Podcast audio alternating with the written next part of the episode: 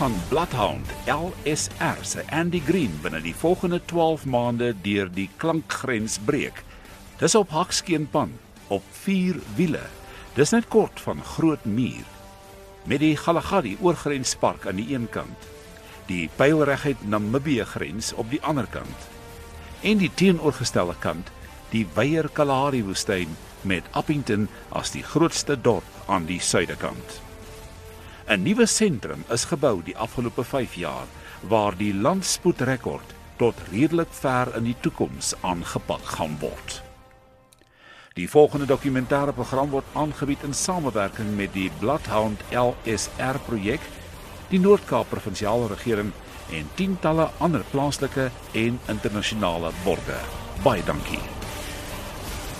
Maar waarom die landspoedrekord?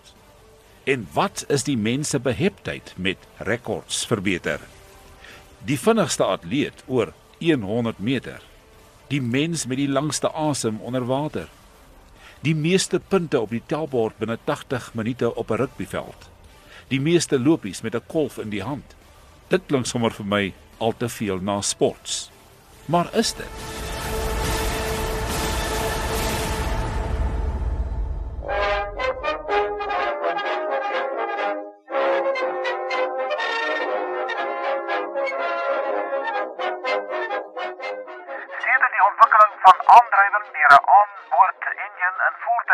Was daar al honderde pogings aangewend om die landspoedrekord te verbeter. Die eerste 6 keer deur elektriese motors. 63.15 km/h in 1898, 66.66 km/h, 70.31, 80.35 en 92.78 km/h en die 100-tal word bereik met 105.88 km/h alles in 99 en dis oor 'n afstand van 1 km. Die pogings deur Franse en Belge, maar die elektriese motor het sy nadeel gehad. Batterye was lomp en swaar en het nie die krag lank genoeg bou nie. En toe was die stoomenjin probeer deur nog 'n Fransman in 1902, 120.8 km/h. Die binnebrandenjin was toe in dieselfde jaar vir die eerste keer ingespan. Die snelheid bereik 122.438 km/h. Die binnebrand enjin het daarna koning gekraai tot in 1905 toe die snelheid van 176.37 km behaal is. In 1906 het 'n baie gevorderde stoomenjin die landspoedrekord na 205.44 km verbeter. Die binnebrand enjin was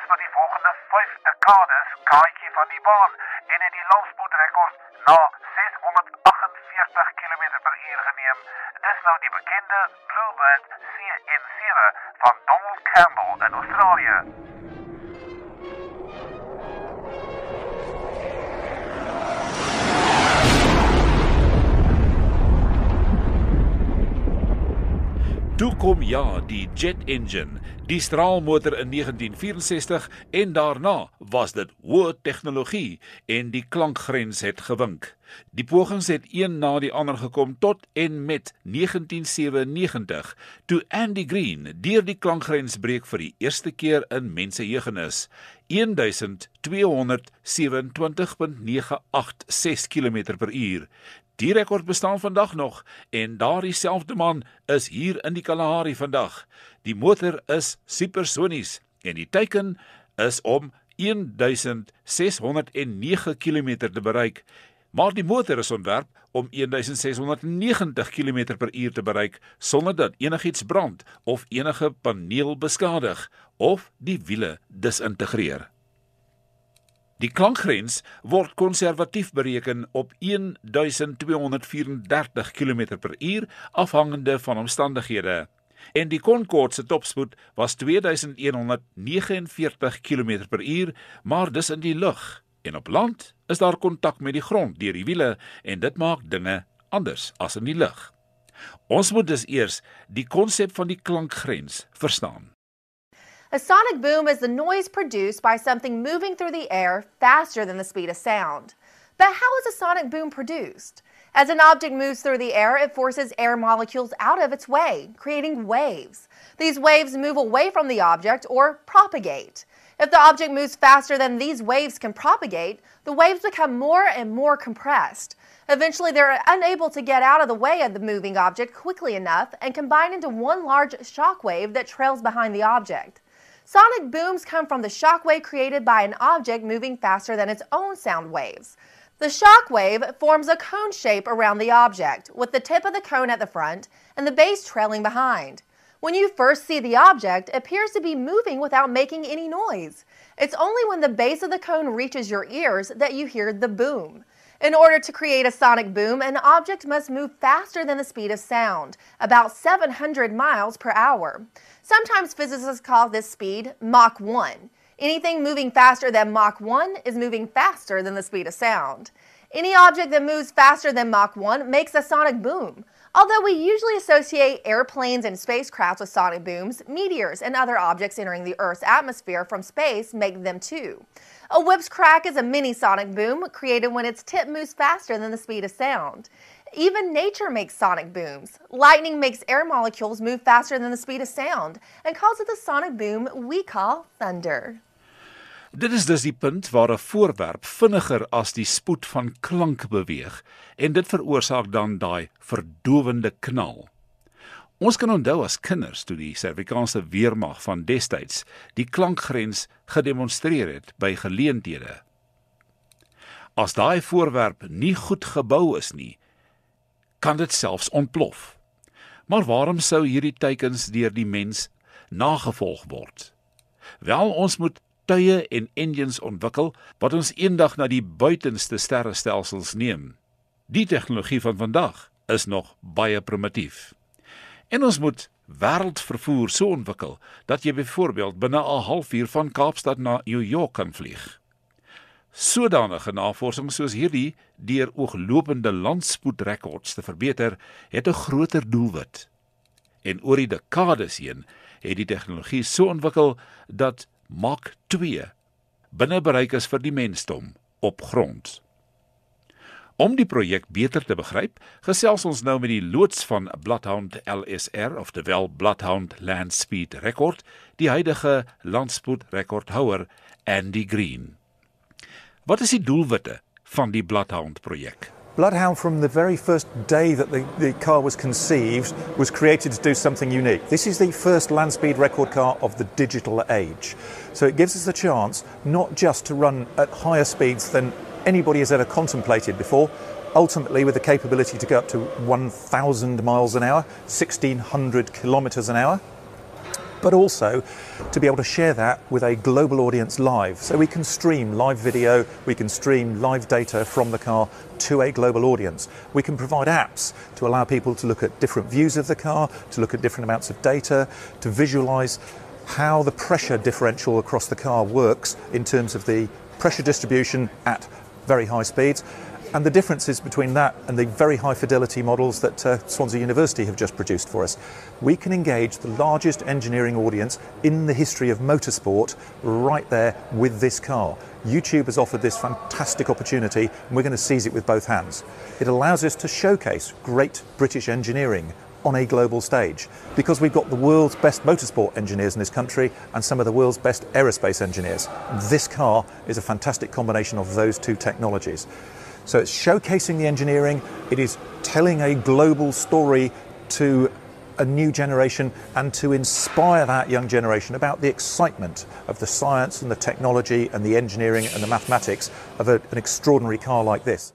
Hoe word hierdie motor aangedryf? To attempt to get to 1,000 miles an hour, 1,600 kilometres an hour, we are going to need more than just the world's best jet engine. We're incredibly lucky to have the Rolls Royce EJ200, um, one of the late model prototypes, which has now completed all of its uh, uh, airborne testing for the Eurofighter program. We have one of those with a few hours left on it to power this car. But that will not be enough by itself because no jet fighter in history has, has managed a thousand miles an hour at ground level. It is a measure of just how difficult this task is that we are trying to exceed not just the world land speed record, we are trying to exceed the world low altitude airspeed record. For the first time since 1913, we are building a car that has the potential to go faster than any aeroplane at ground level. That is the size of this challenge. So to do that, we have a, uh, the jet engine from Rolls-Royce, and we're combining that with the Nammo hybrid rocket technology. Now, the hybrid rocket is something we need to go supersonic and beyond uh, land speed records and ultimately to work up to 1,000 miles an hour. That hybrid rocket technology is still in development. It is literally that cutting edge. It is being developed right now. In the meantime, the high speed testing, we're aiming up to about 500 plus miles an hour this year. For that, the EJ200, the Rolls Royce jet engine, is more than adequate. So we're running jet only this year, and the intake you see behind me is where it will gather all of the air to produce the huge amount, around about nine tons of thrust, 90 kilonewtons of thrust, um, to take the car up from stationary to 500 plus miles an hour in around about a minute before we slow it back down again with the air brakes, parachutes and wheel brakes. Op so 'n hoë snelheid, hoe word die motor tot stilstand gebring? Anytime you're accelerating, more acceleration is always optional. You can always throttle back and slow down again. As soon as you come bursting out of the timing lights at supersonic speeds, slowing down before the end of the track has just become compulsory.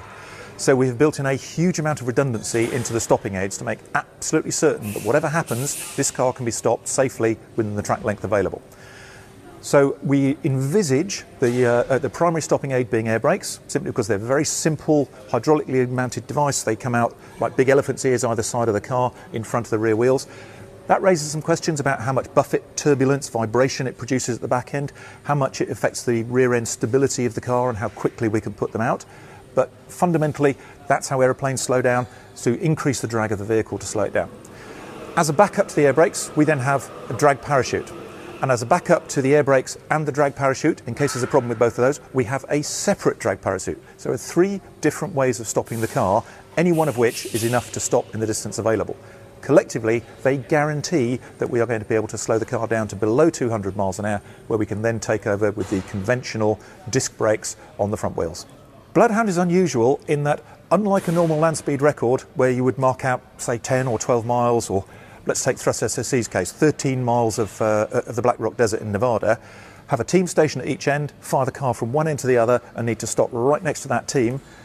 But if you did have a problem, there's plenty of overrun. The Hakskeen Pan in South Africa, it's got a better weather factor, it's got a better surface, it's got everything we need apart from an overrun. So we need to make sure that whatever happens, we stop within that available length. Therefore, to give us the option to have a parachute failure in a second deployment or something like that, we will always be stopping a mile or two before the end of the track. As soon as the car rolls to a stop, we'll then disconnect the parachute so we don't drag it down the desert. We will then drive the car down to the end of the track which also allows us to let the jet engine cool down because the jet needs a five minute cooling period. During that period, I will actually be driving it back down to the end of the track, throwing the steering hard over, a big 180, park next to the, uh, the recovery and uh, receive crew so that they can start getting the car ready for its return run. Because to set a world land speed record, you need to do this twice within one hour. Julle gaan vir die volgende 12 maande hier in die Kalahari toets. Wat hoop julle om te bereik met hierdie toetse? High speed testing is all about proving this vehicle on the desert. We need to look at the wheel interaction with the desert. We look, need to look at how the desert handles, how much grip it will give us, both laterally and in terms of uh, rolling drag for braking. We need to look at the aerodynamics of the car, how well they match the extraordinary modelling capability that uh, Swansea University has developed to predict both subsonic and supersonic aerodynamics in incredible detail. But this is still, this is cutting edge world class modelling. So, exactly how accurate it is, we will find out during that uh, high speed testing. We need to test the brake parachutes. Very conventional system, but it's a different uh, installation in this car, and of course, it's a different vehicle, so the airflow behind it will be different, the deployment will be different. Parachutes are a critical part of slowing down, as are the air brakes, which we'll also be testing. The list goes on in terms of validating the whole car end to end, ready for a land speed record attempt next year and training the team on how to operate a high speed vehicle safely out in the desert in South Africa. That's what high speed testing 2019 is all about. Is die kar op hierdie stadium klaar gebou of werk julle nog aan die projek? Gaan die kar nog verander? The only time the design of this stops evolving is after its last run when it goes to a museum. Up until that point, we are still learning and developing the science because we are going, by definition in a land speed record, to a place where human beings have never been before. The outright world land speed record is faster than anyone has ever been. You are going to learn things that no one else has had a chance to learn because you're doing something no one has done before. And when you've got a car with 500 sensors on board, you're going to learn an awful lot. Die projek is nou al oor jare voorberei en daar was teleurstellings met borge wat dit uh, verder uitgestel het, maar dit was in 2008 bekend gestel. Het die lang voorbereiding uiteindelik 'n positiewe naderdraai gehad tot dusver? There are pros and cons to taking a long time to uh, uh, to build a, a very high performance vehicle like this as the technology moves on. If we were going to start again, Bloodhound would look dramatically different. We would probably use different power plants. We would probably use a different shape. We might even go to a different desert because all of the assumptions, the mass, the performance, the distance, all of those would be different. But we aren't starting again. We're starting from here where we are right now. But there are some real clear benefits. For instance, 10 years ago, we really, really wanted to produce an electric solution to powering the rocket pump. Now, the rocket pump solution that, uh, that we've had up till now has been a, a Jaguar V8 supercharged engine. So producing, you know, five, six hundred horsepower to uh, to drive a rocket pump motor is a spectacularly large amount of power just to turn a little pump about this big. That's the amount of power that a rocket requires to drive it. Ten years ago, there was no possibility we could do that with uh, some kind of electrical power uh, power plant the Tesla Roadster was just coming, uh, becoming available, but you'd need to put about three of those end to end to get that. Nowadays, that's available off the shelf, so we can electrify it. It makes it much easier in terms of not having a great big hot uh, piston engine with all the uh, petrol and the exhausts and the intakes and working out where to put them in aerodynamic turns. Um, we don't have to worry about clutches and uh, gearboxes and all the other problems. We can actually just do it all with a single button press with an electric motor and have enough charge in the batteries probably to do it twice so we don't even have to recharge it halfway through. That's the sort of benefit that modern technology brings. Andy, jy is die enigste persoon wat die klankgrens voorheen op land gebreek het. En dit sal so wees tot die volgende projek moontlik deur iemand anders gedoen word. Kan jy ons deur die proses neem? Die rekord word amptelik bepaal deur twee verskillende pogings. Dit is in twee verskillende rigtings binne 1 uur. Eers na die een kant en dan binne daai uur weer terug na die ander kant. Kan jy ons deur so 'n loopie in die motor neem? Wat gebeur? The tricky bit about getting to uh, uh to 1000 miles an hour, which ultimately was our you know blank sheet of paper, is this possible? Is to work out exactly where to put the power on so that you peak in the middle of the uh, uh to middle to the end of the measured mile. So that's that's about a one to two second time bracket where you have to get the, the peak speed. There are a couple of ways of doing that. It is largely distance dependent because of the, uh, the, the, the, way the dynamics work, but there is some flex in that depending on headwinds, um, the temperature and pressure of the uh, atmosphere on the day. So there, there is a way of actually producing a display which compensates for all of that and actually moves the rocket firing marker backwards or forwards a little bit. Now, I spent about two years working out exactly how we could incorporate a display onto the Speedo, which would give me all the firing cues for rocket on, off, parachute, and air brake cues to also allow me to monitor their performance in real time in a single integrated display. And then took that to the systems team and said, actually, yes, we can produce the software behind that. And I also worked out technically how it should be possible.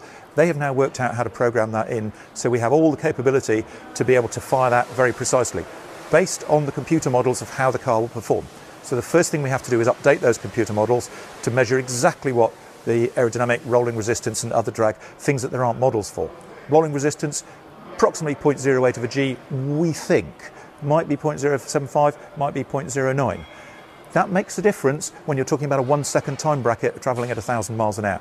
So we've got to work out all of that. I then have to accelerate the car through all the various stages of winding the jet engine up to max dry power, max reheat, trigger the rocket at exactly the right time based on the predicted distance modified by the environmental conditions on the day. Hold all of that, keep the car straight all the way up through to the end of the measured mile, shut the car down exactly at that stage. It will have peaked at about 2g in acceleration, so 40 miles an hour per second of acceleration. Throttling back to idle at the end of the measured mile, the car will start slowing down immediately just with aerodynamic drag at 3g. 3g in car terms is 60 miles an hour per second. That is like driving a road car at 60 miles an hour and coming to a complete stop in one second.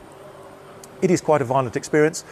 the violence of that experience on the, the physiological effect on the body is doubled if you've just been accelerating hard, which I have.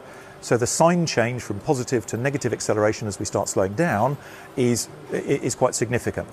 As soon as the uh, drag starts coming off and we start to get down to around supersonic speeds, a little over for the air brakes, a little under for the parachute, depending on what we're doing, put the air brake or parachute out, the G comes back up to 3G, and yet, you know, yet again we're throwing 60 miles an hour per second off the car. As it uh, coasts down towards 200 miles an hour, wheel brakes to finish up stopped 12 miles away from the, where the car started, two minutes after setting off. Hoe voel dit daar in die kajuit? Beskryf jou persoonlike ondervinding asseblief. We don't know how noisy the cockpit's going to be. Um, it was quieter than I was expecting at Newquay, but that's before we start to get up to transonic and supersonic airflow and start generating some very powerful shock waves over the cockpit. That is something, something that we are doing some aeroacoustic modelling with, uh, uh, with a couple of world leaders who are also doing that for the European Space Agency on satellite launches. So we have the best data in the world. Even then, there's a big error boundary on that. One of the things we're going to learn. In terms of the visibility outside the cockpit, I need to follow the line in front of me. Um, in terms of looking out the side, you only need to look out of the sides if somebody's going to overtake you. Jy die bestaande rekord opgestel met die Thrust in 1997. Waarom doen jy dit nou weer? I believe in the objectives of this program, which are not just to set another world land speed record, but actually to showcase great British engineering on a global stage, to take the opportunity as the first high speed supersonic car of the digital age to share this adventure with the largest online engineering audience in the history of the world. Tens of millions of people will be able to watch live, not just the video, but the data, look at the apps, see what's actually going on for the world's fastest car, and to see the science and engineering as we are discovering and refining the modelling capabilities and the performance of this vehicle. Now, for me as a mathematician, for me as a fighter pilot, to have the chance to work with an amazing team of engineers in this building, to have the chance to show off great British engineering, to have the chance to promote science and technology to another generation, why wouldn't I want to do that? En laastens, Andy, is die motor stabiel op daai snelhede?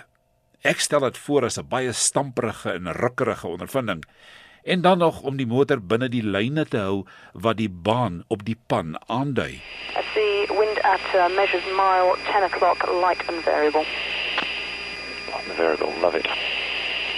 Full video Wednesday morning, 15th of October. 9 o'clock in the morning, it's about 3 to 4 degrees outside. We're looking for a flat out run through the measured mile, trying to get a supersonic two way average today. It's a popular misconception that driving a land speed record in a straight line is about anchoring the steering wheel, planting your foot to the floor, and just waiting until you run out of fuel. If only it were that simple. The car moves around an awful lot. Any road car moves around a little bit, and it moves around more so as you go faster. When you go a lot faster, like 700 miles an hour faster, the car moves around a huge amount. The wheels are now skimming across the surface, the shock waves are generating uneven forces, gusts of crosswind, the car is sliding all over the track. In terms of doing a run in thrust SSC, big intakes very close to the ground. I'd put very little power on to start with to accelerate the car without sucking lumps of desert into the intakes. So initially just inching the throttle forward, letting the car roll slowly, progressively, around about 80% RPM on the engine. That's quite a low power setting. Just letting the car accelerate no faster than a normal family saloon car would uh, pulling away from the lights. SSC ready to roll. SSC with fast chase rolling, you are clear supersonic. Clear supersonic, SSC is rolling. Rolling up through 10, 20, 30, all the way up through 50, 60 miles an hour. The reheat nozzles at the back of the uh, engine start to close down to increase the uh, thrust output. Now accelerating more quickly through 90, 100 miles an hour. Now got really strong airflow into the engines. Now I can spin them up very quickly. Ease the throttle forward to the dry stop. The turbines spin up to maximum speed. They are now working flat out. To get more thrust, neat fuel goes into the exhaust and literally reheats the exhaust reheat. Check that both needles are showing a light up so that both light together. If one lights and the other doesn't, the car's going to want to go in a circle, which is not good at supersonic speeds.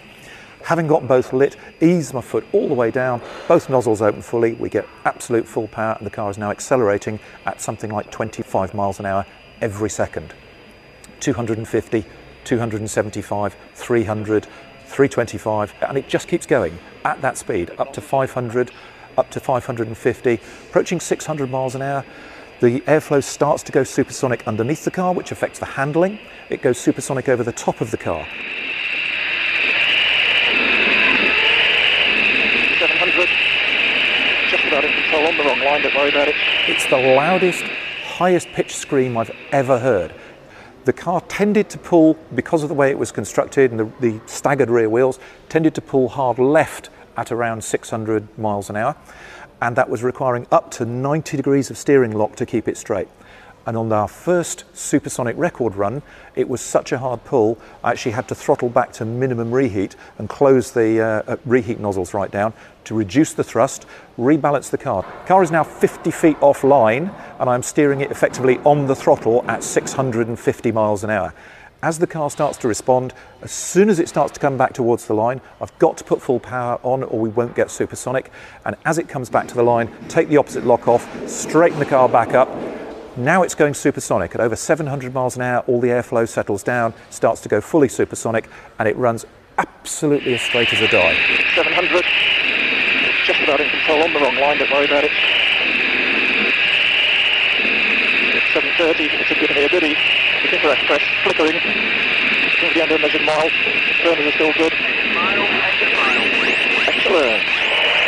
Through the timing lights, which took four and a half seconds, about 4.7 seconds, uh, to cover the mile through the timing lights. Unbeknown to me, we're also throwing a huge sonic boom out across the desert. My job is still only half done. I now need to stop the car at the other end of the track. So, throttling back at the end of the measured mile, we've now got warning captions for all of the oil thrown towards the front of the engines because it's slowing down so quickly. The low fuel caption is flickering. The car is now slowing down at over 1G, over 20 miles an hour per second, but very rapidly as the car gets subsonic. We've got a 10 ton car, very slippery 10 ton car, still hammering along at over 500 miles an hour.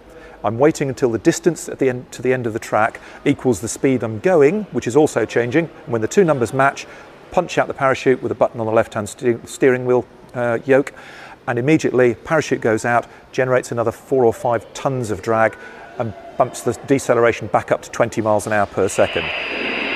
450, shoot one. Yes, we got it. Everything is going to be wonderful.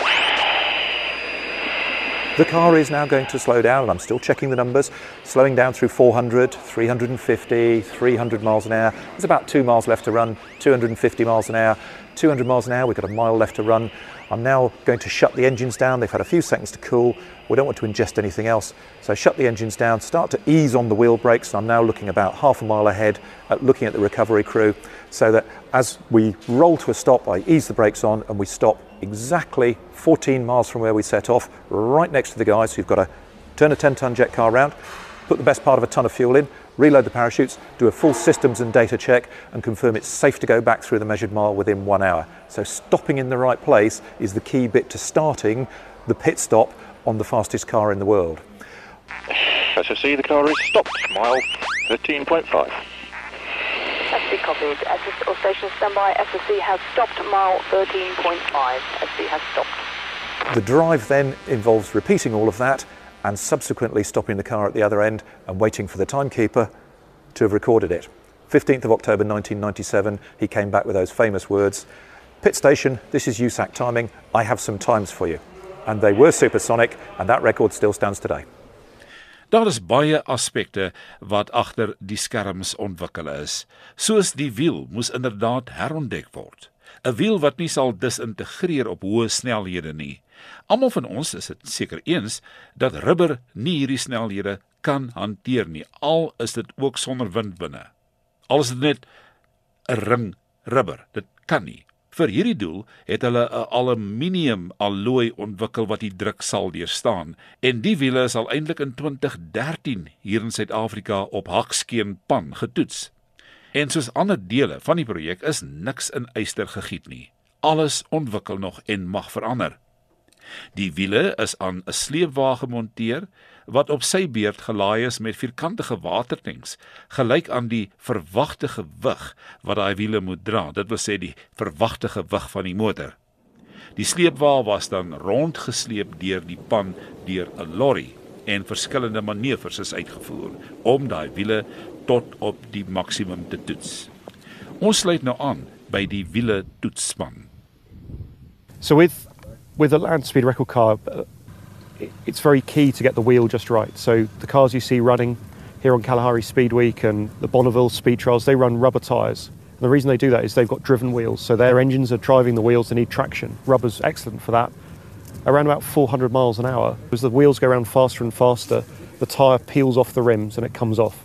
So you then have to go to a solid wheel. So we've chosen aluminium, and basically these trials are to verify not only the material we've got, but it's that final bit of the profile. So whether it's whether it digs into the desert or whether it's very smooth, and it's very key. This surface is unique, and it is. Andy Green's looked an awful lot of places, and this is the one place on the world that, that will become the, the world's best place for breaking land speed records. And action. Right, the main main objective is we're um, trying two new wheel profile shapes on the on the on the pan here. Um, we came out in November last um, last year to do our first testing out here, and it became very clear that the the wheels we were using were cutting through the um, the thin mud layer on the top of the surface and running on the hard kind of bedrock that's below the kind of mud you get on the top. Um, and they, we were seeing quite a lot of damage to the wheel as it was running on the surface. So we've got two new wheel profiles here today that are flatter. So the idea is to try and get them to run on the, the mud surface and not run so deeply sort of embedded in the ground. Um, if they run too shallow though, then we'll lose any kind of lateral grip because they have to dig in a little bit to get some kind of grip.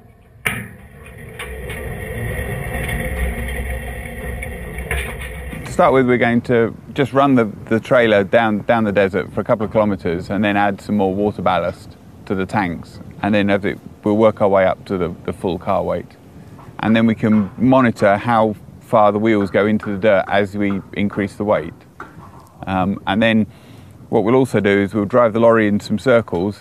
Um, and if we know the speed of the lorry and the radius that we're going around, we can work out how much lateral grip we've got and by looking at the, the indents into, into the mud, you can see how much the trailer wheels are actually sliding. And from that, we'll get a pretty good un- understanding of the lateral grip as well. So that's, that's the plan anyway.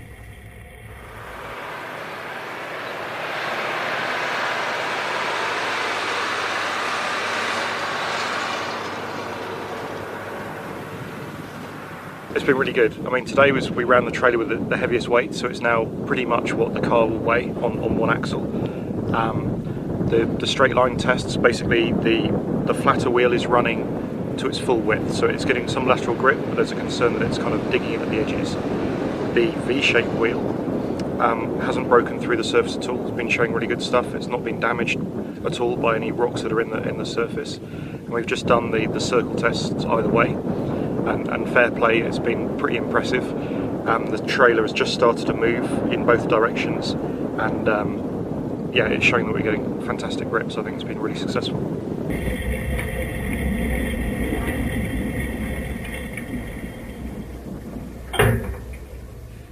Yeah, I mean it's it's excellent. I mean it's really interesting looking at how the two wheels behave differently. Um, we obviously made them very different, so we could definitely see a difference. Um, and now we've got the previous data we had that we collected in November and the data from these two wheels. So from this, we'll be able to design the the optimum profile, should I say, um, for the wheels for the for the first year. And then when we start running the car, obviously we'll learn an awful lot more about how the wheels are behaving with the real car. Um, but this is the, the, the first, the sort of first major sort of hurdle you've got to get over into designing the actual profile. Dit laat my daaraan dink. As alles so deeglik getoets is. En ons het van Andy Green gehoor hoe uiters moeilik dit is om die stuurwiel te hanteer op daai hoë snelhede. Wat dan van sy eie veiligheid binne die motor as dinge verkeerd loop? Die eerste ding waaraan vliegtuigloodse natuurlik sal dink, is 'n uitskietstoel. As dinge verkeerd loop, hoe kan Andy Green homself beveilig? Die hoof-aerodinamiese ingenieur Ron Eyes verduidelik waarom 'n uitskietstoel buite die kwessie is. Dit sal eintlik fataal wees vir Andy Green. Sometimes I'm asked why Bloodhound is not fitted with an ejector seat.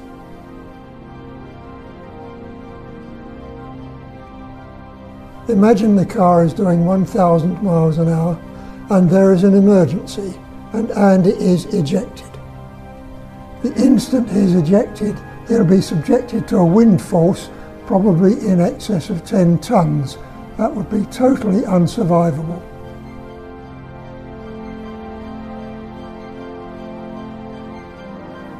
An alternative that is sometimes suggested is to eject the driver in his cockpit so that he is in a sealed unit and protected from the air pressure. Uh, this could be done, but it would be very heavy indeed and very complex.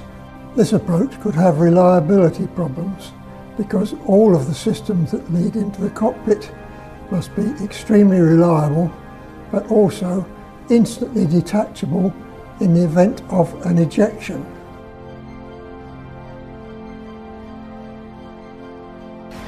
Another reason why ejection is not something you can rely on is when something goes wrong in the car, it will happen very quickly indeed, and it may well be impossible for a computer system to react quick enough. And if it tries to do so, it is much more likely to respond to a false alarm.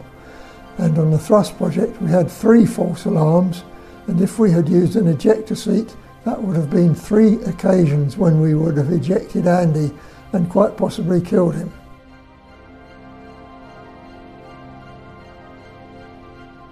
Our solution is to keep the car firmly on the ground and Andy retain whatever control he still has and to stop the engines.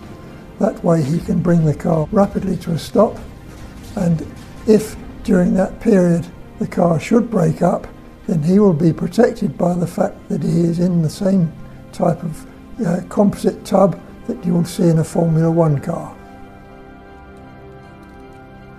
Behalwe die eenmalige projek nou, is 'n nuwe permanente baan in die Kalahari gebou vir toekomstige wêreldpogings. Alles is perfek daar in die Kalahari. Dis seker een van die redes waarom motorvervaardigers wêreldwyd hulle motors direk na die Kalahari stuur vir toetse in hierdie ekstreme omstandighede. Soos aanvaar daar sal nog vele landspoedrekords hier aangedur word in Suid-Afrika. Daar's 'n ander paar bane oor die wêreld, maar hierdie is nou 'n nuwe een. Die projek het die Kalahari van 'n onbekende hoekie van Suid-Afrika na die wêreldplatform geneem. Natuurlik het die plaaslike gemeenskap hard gewerk om die projek te vestig. Hulle moes hierdie pan, Hakskeen pan se baan, se klippe verwyder 'n klippie so klein as 'n ertjie kan groot moeilikheid maak. Dit neem 55 sekondes om die landspoedrekord te breek, maar jare se voorbereiding het in hierdie projek gegaan. 300 werklose vrywilligers van Muur, Botswana en Namibië het 16000 ton klippe verwyder. 22 miljoen vierkante meter op hierdie 20 km baan op Hagskeenpan. Hulle is onlangs vereer deur die FIA met sertifikate en medaljes. Hulle is toegespreek deur Zumani Soul, die Noord-Kaapse premier, die loods van Bloodhound Andy Green en Dennis Dean van die FIA se landspoedrekordkommissie. Today is really about all of you because you did this thing. No one has ever done what you have done. So you should be very, very proud. Uh, you've, you've taken what I think to begin with was a national treasure. You've now turned it from a national treasure into an international treasure. And although Bloodhound will be the first record attempt here, I am certain that it will not be the last. On behalf of the FIA, the Land Speed Records Commission, uh, I'd like to formally welcome you into the international land speed racing community. It's a very large community with a lot of people in it all around the world, and with your efforts, you have now joined it, and, and I'm proud to welcome you. My, my hat is off to, to each and every one been working under extreme conditions, but it has been a wonderful experience. We, we are looking forward to the day the car arrives, looking forward to the day it takes its first trip around here, and the day it breaks the land speed record in my own backyard. Who else can have it but me?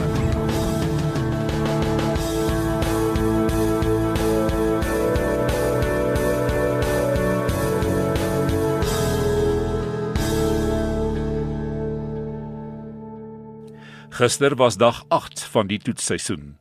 Soos verwag, sal alles nie klop tusselboom verloop in 'n projek soos hierdie nie. Mark Chapman is die hoofingenieur van Bloodhound LSR en hy verduidelik wat uiteindelik gister verkeerd geloop.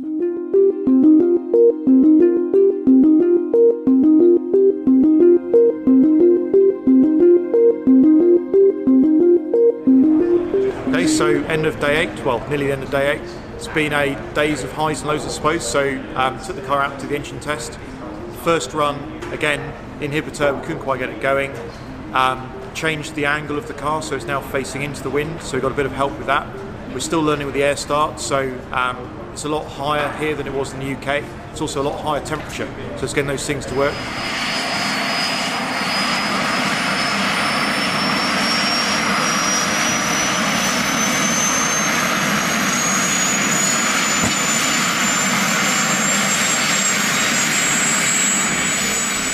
Got the engine to work, started. First thing came up with an alert for Andy to shut down for uh, oil caption. Completely normal, that's why we do this check. Replenished the oil, um, got it started again, started, easiest start we've had so far.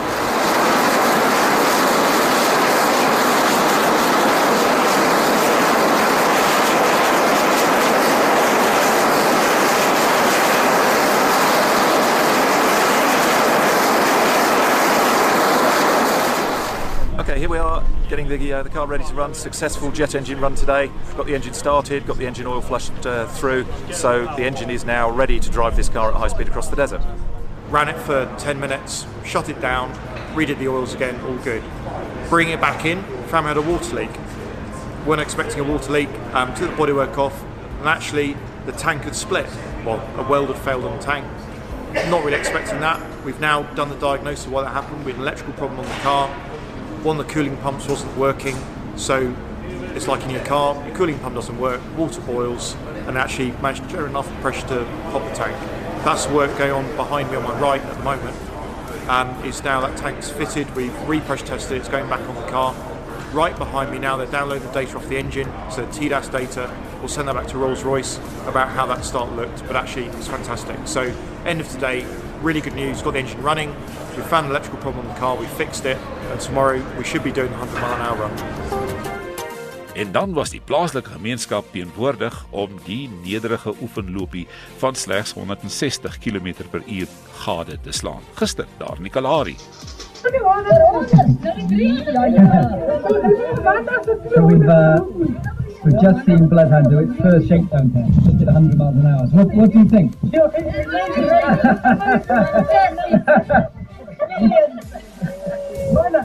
so you haven't seen anything yet, okay? That was that was nothing. You wait for the next couple of weeks, all right? Yes, we'll definitely be waiting.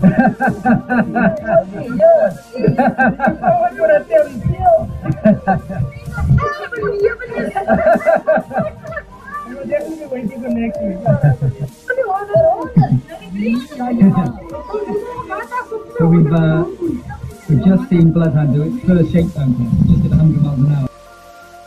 Die aanslag sal stelselmatig vinniger word oor die volgende paar maande. Baie dankie dat jy saam geluister het. Hierdie dokumentêre program is aangebied in samewerking en vergunning van die Bloodhound LSR projek, die Noord-Kaapse Provinsiale Regering en tientalle ander plaaslike en internasionale borgers. Die program is saamgestel deur Fritz Klaaste vir RSG Sport.